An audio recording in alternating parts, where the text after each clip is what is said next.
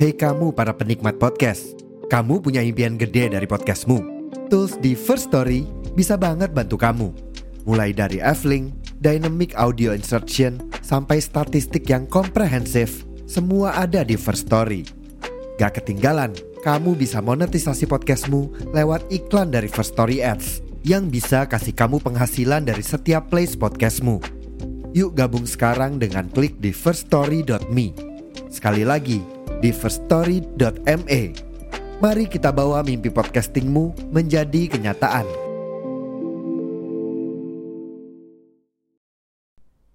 Perasaan belum lama dah usia 30-nya. Tapi kenapa langsung berasa bener perubahan di badan? Sulai, sulai.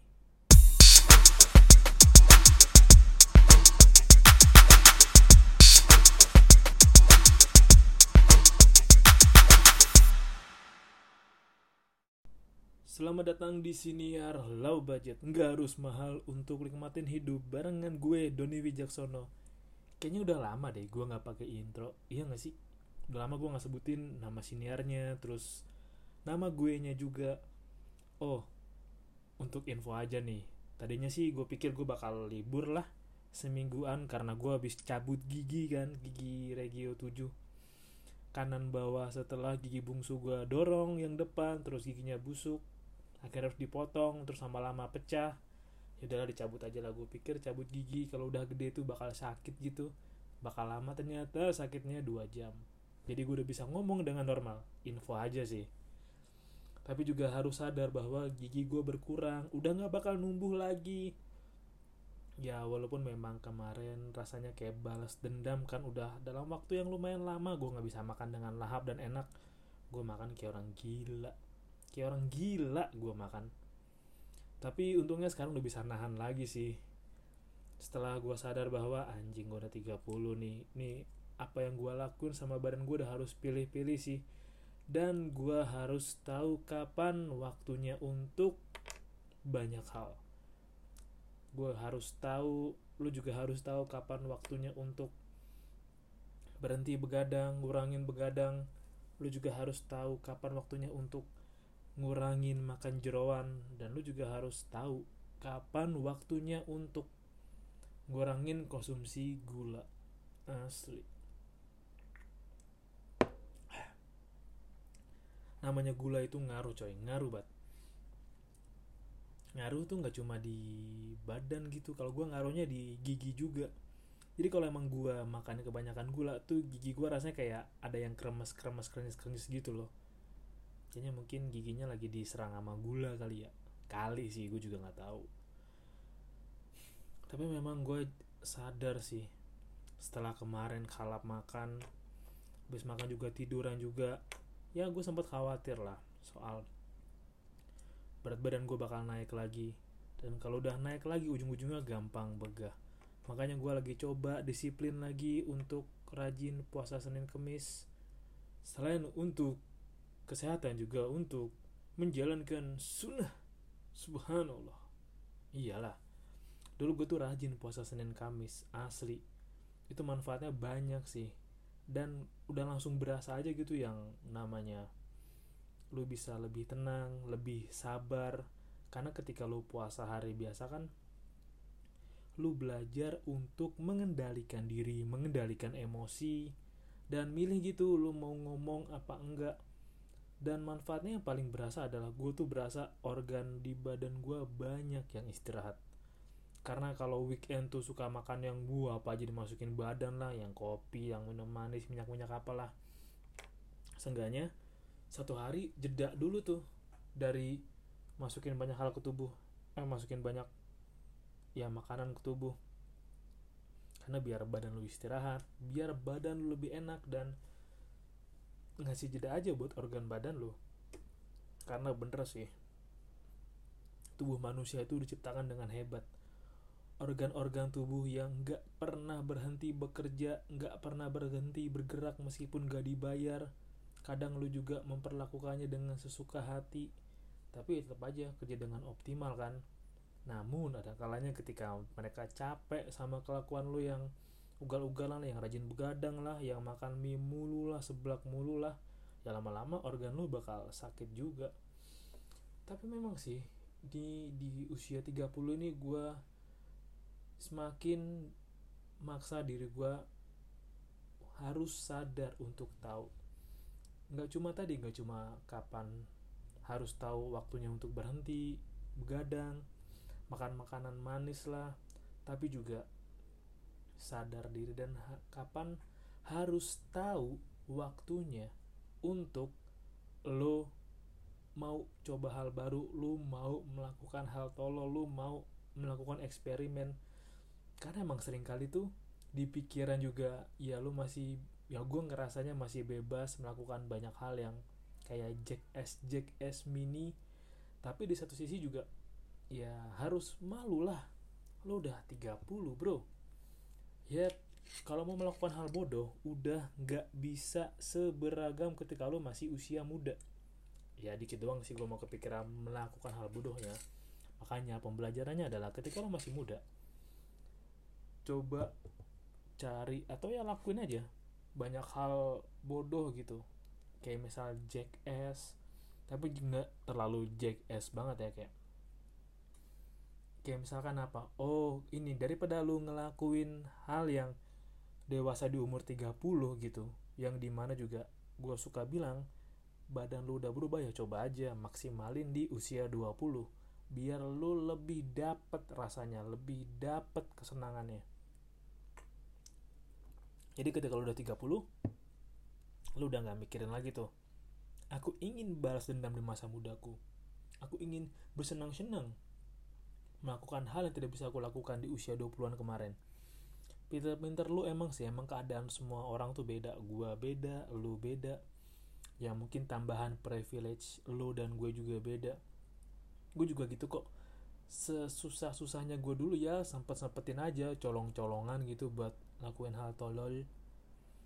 Ya lakuin hal tolol aja sempetin colong colongan hmm, kayak apa ya gue nggak tahu buat gue mungkin iya buat lu mungkin enggak sih.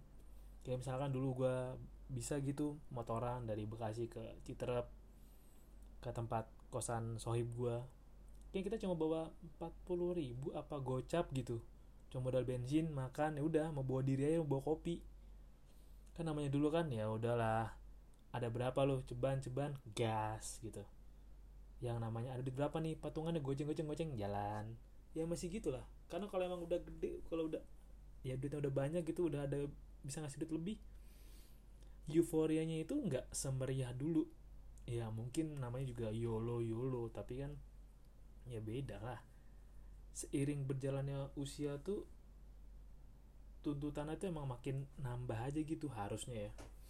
Dan gue juga perlahan harus tahu dan mulai maksa diri gue harus sadar untuk tahu gitu. Kalau emang ini bukan bidang yang lo bisa lakuin ya jangan lo lakuin.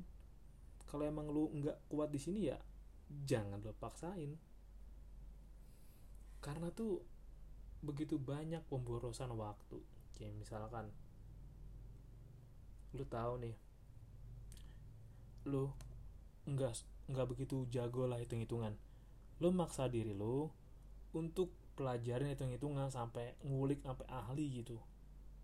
Terus kayak anjing gue nggak suka banget sih tapi gue mesti belajar. Tapi nggak mesti jadi jago banget. Ya penting mengetahui dasarnya aja. Karena kalau sekarang gue mikirnya sih gue mikirnya ya gue inget siapa katanya Mas Felixandro Ruby. Mencoba untuk jadi M shape person. Jadi kalau T person itu adalah lu tahu T kan? T kan ada yang ke bawah kan yang kayak I gitu. Nah itu adalah spesialis. Tapi kalau M person adalah seorang yang punya beberapa spesialisasi di beberapa bidang. Keuntungan juga sih buat gue karena gue tahu gitu kesukaan gue apa. Jadi gue bisa mengarahkan diri gue untuk ke mana ke mana ke mananya juga lumayan terbantu. Dan memang gue juga harus sadar diri sih.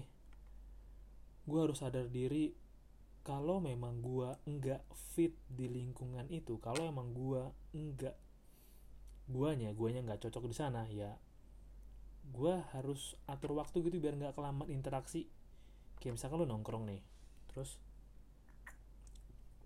lo tahu lo itu sebenarnya nggak terlalu fit di sana.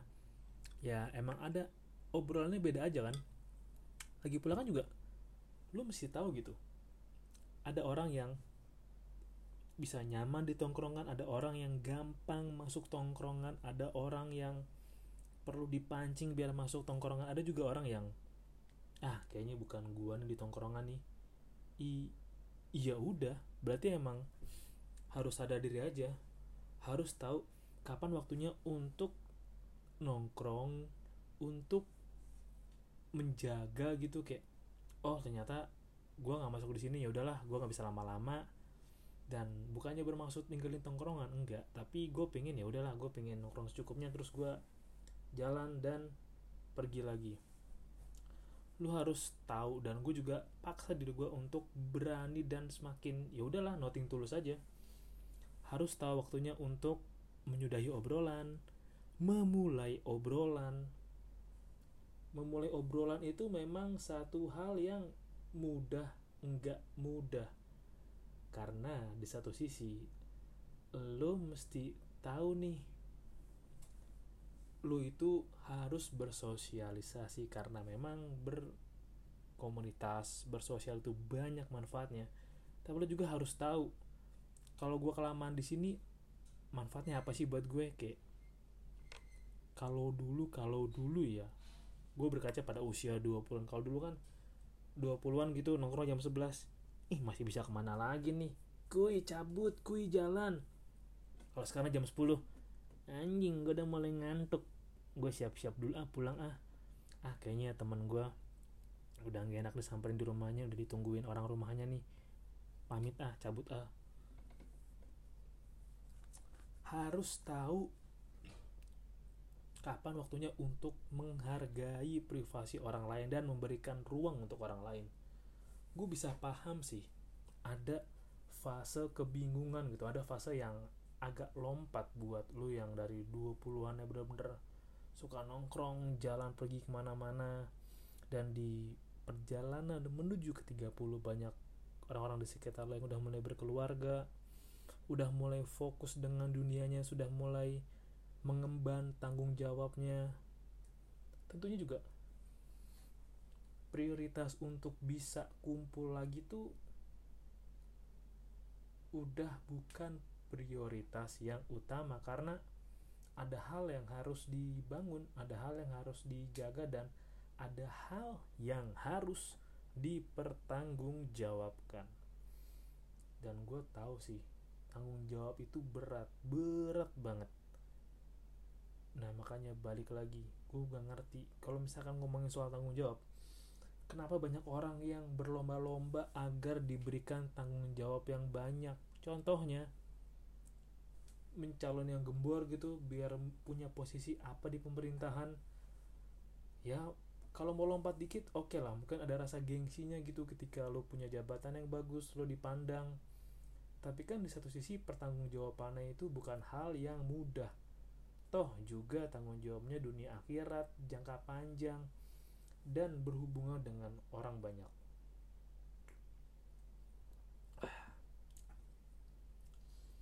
Dan gue bersyukur banget sih. Malam ini tuh rasanya damai, walau panas, walau set, terik. Apa gue nggak tahu ya, temen gue kemarin tuh update si Mangkardi. Anjir, masuk Suhunya 36 derajat tapi terasa seperti 41 derajat. What? Uh, gila kali 41 derajat. Itu beneran di HP-nya dikasih screenshot kan. Gua nggak tahu nih Mangkardi lagi di mana cuman. Gila kali nih. Gokil. Dan gua tahu sih ketika di usia 30 juga lu harus tahu kapan waktunya untuk berucap serius, berucap, bertutur kata. Nanti akan masuk ke pembahasan yang lebih dalam lagi. Kata-kata itu gue nggak tahu ya. mungkin karena pekerjaan dan lingkungan sekitar atau gue nggak tahu kenapa kalau gue yang ngomong tuh kayak orang nanggepinnya serius padahal gue seringnya bercanda yang kenal gue pasti taunya emang gue orangnya bercanda hai tapi kenapa dianggap serius? Tapi memang perkataan itu gini deh gambarnya deh.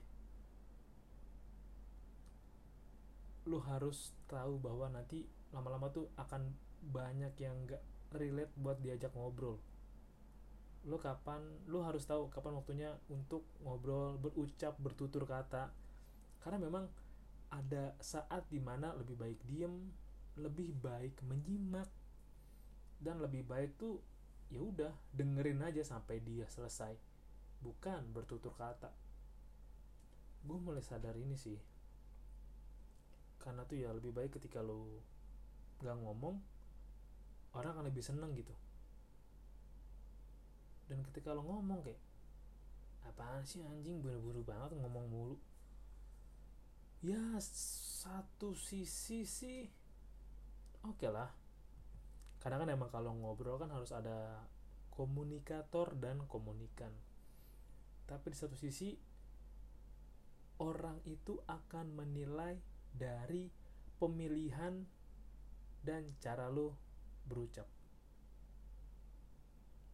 Ini pandangan gue aja sih gue nggak tahu. Lu ngerasain ini atau enggak tapi orang itu juga menilai kita melihat kita dari cara kita ngomong cara kita memilih kata ber, berucap. Kalau lu masih 20-an ya bocah namanya juga bocah tolol kalau ngomong asal nyablak.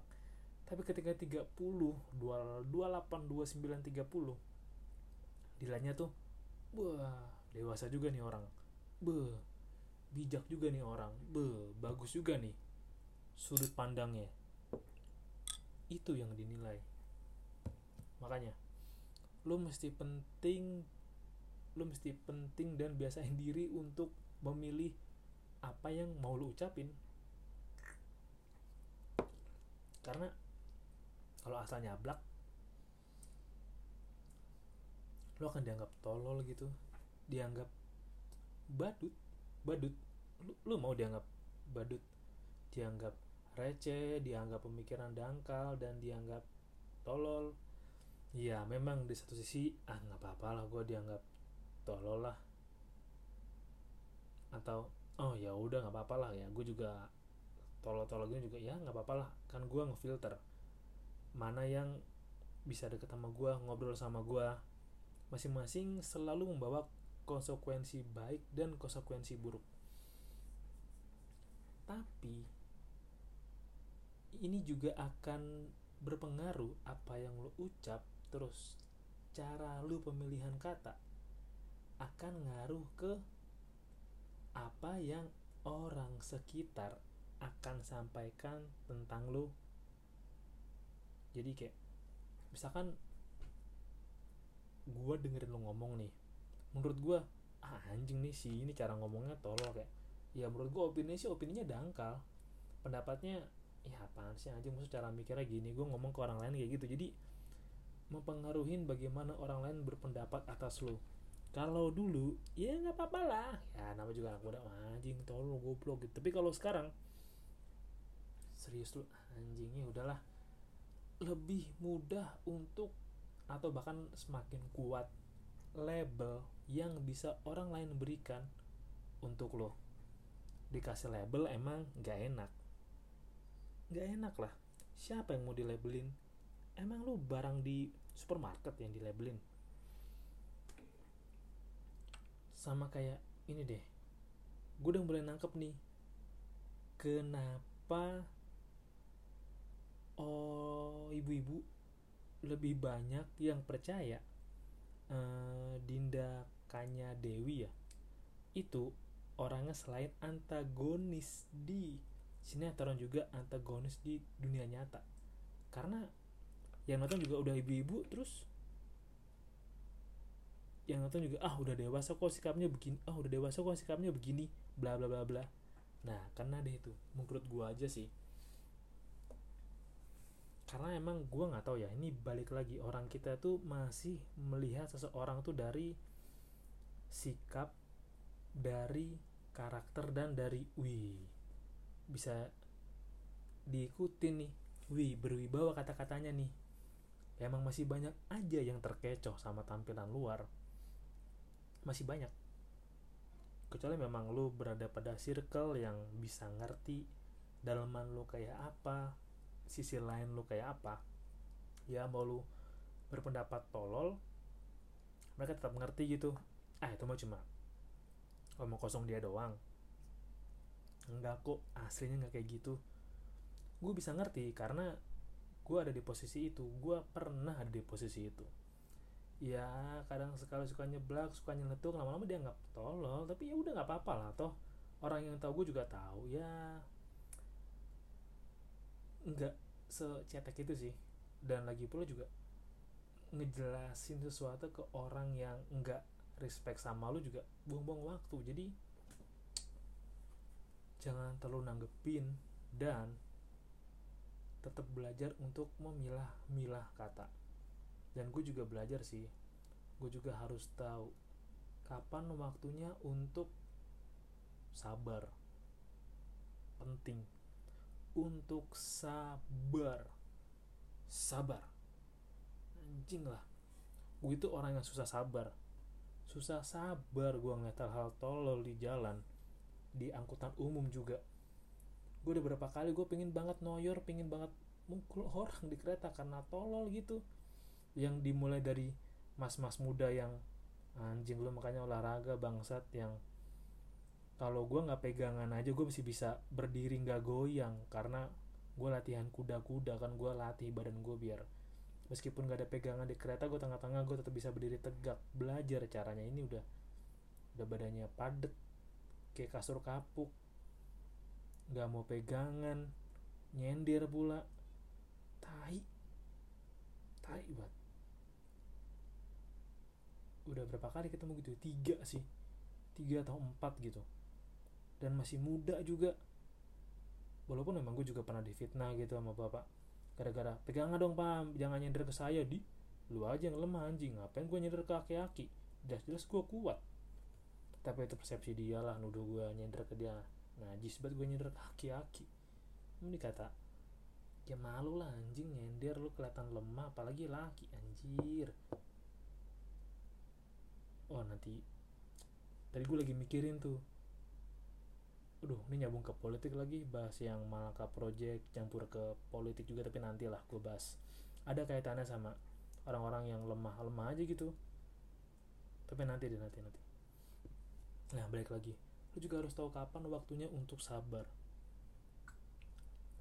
Ini gue diajarin sama teman gue sih, sama sohib gue. Masih beberapa kali memang kadang gue masih nggak bisa sabar ngeliat kelakuan orang di tempat umum dan juga denger pertanyaan orang yang tolol aja gitu buat gue tolol ya gue udah pernah bilang belum ya soal ini di senior kayaknya belum deh atau udah tapi memang gue diajarin kayak ya lo mesti sabar lah ada kalanya kan lu mesti belajar untuk nggak ngerespon atau ngejawab dengan formalitas. Lu nggak perlu nunjukin jawaban personal lu apa cukup dengan jawaban yang netral atau bahkan jawaban yang gak bisa dibales. Kayak ada pertanyaan yang nanya ke gue kayak apa yang nyebelin? gitu terus lu nggak usah kesel lah balas aja oh gitu. Ya kasih makan aja egonya toh juga ketika lu jawab yang bikin dia kesel itu nggak akan ada gunanya buat lu. Cuma ngasih lu kemenangan sesaat terus lu bakal nyesel kayak anjing kok gue tolong kenapa gue jawab yang egois kayak gitu ya? Karena memang belajar mengendalikan diri dan emosi itu penting dan perlu perlu banget. Asli ya karena gue tahu kalau gue turutin adalah gue ngomong sambil marah dan gue ujungnya nyesel. Malu gue asli. Lo harus belajar. Harus tahu kapan waktunya untuk. Banyak hal lah. Elemen kesabaran tadi. Dan yang terakhir lo juga harus tahu kapan waktunya untuk lo bersikap berani. Berani aja berani sikap berani ini penting karena lo tau lah dari sekolah itu dari zaman sekolah ketika guru nanya siapa yang bisa jawab? Saya saya. 5 tambah 3 berapa? 6 salah. Uh gitu. Langsung dibikin malu ketika lo udah berani jawaban lo salah langsung disorakin. Atau langsung salah. Langsung kayak rasa salah itu jadi kayak bikin malu. Tapi sekarang ketika lo udah usia 30 lo harus tahu kapan waktunya untuk berani berani untuk ngomong berani untuk minta berani untuk nanya berani untuk ngobrol berani untuk banyak hal berani untuk coba berani untuk penasaran memenuhi rasa penasaran lo. Karena memang Fortis Fortina Adiuvat keberuntungan adalah milik orang yang berani. John Wick. Bagus kan penutup dari gue lo mesti berani belajar untuk berani oke? okay? Terima kasih udah dengerin episode kali ini dan sampai jumpa di episode berikutnya. Bye bye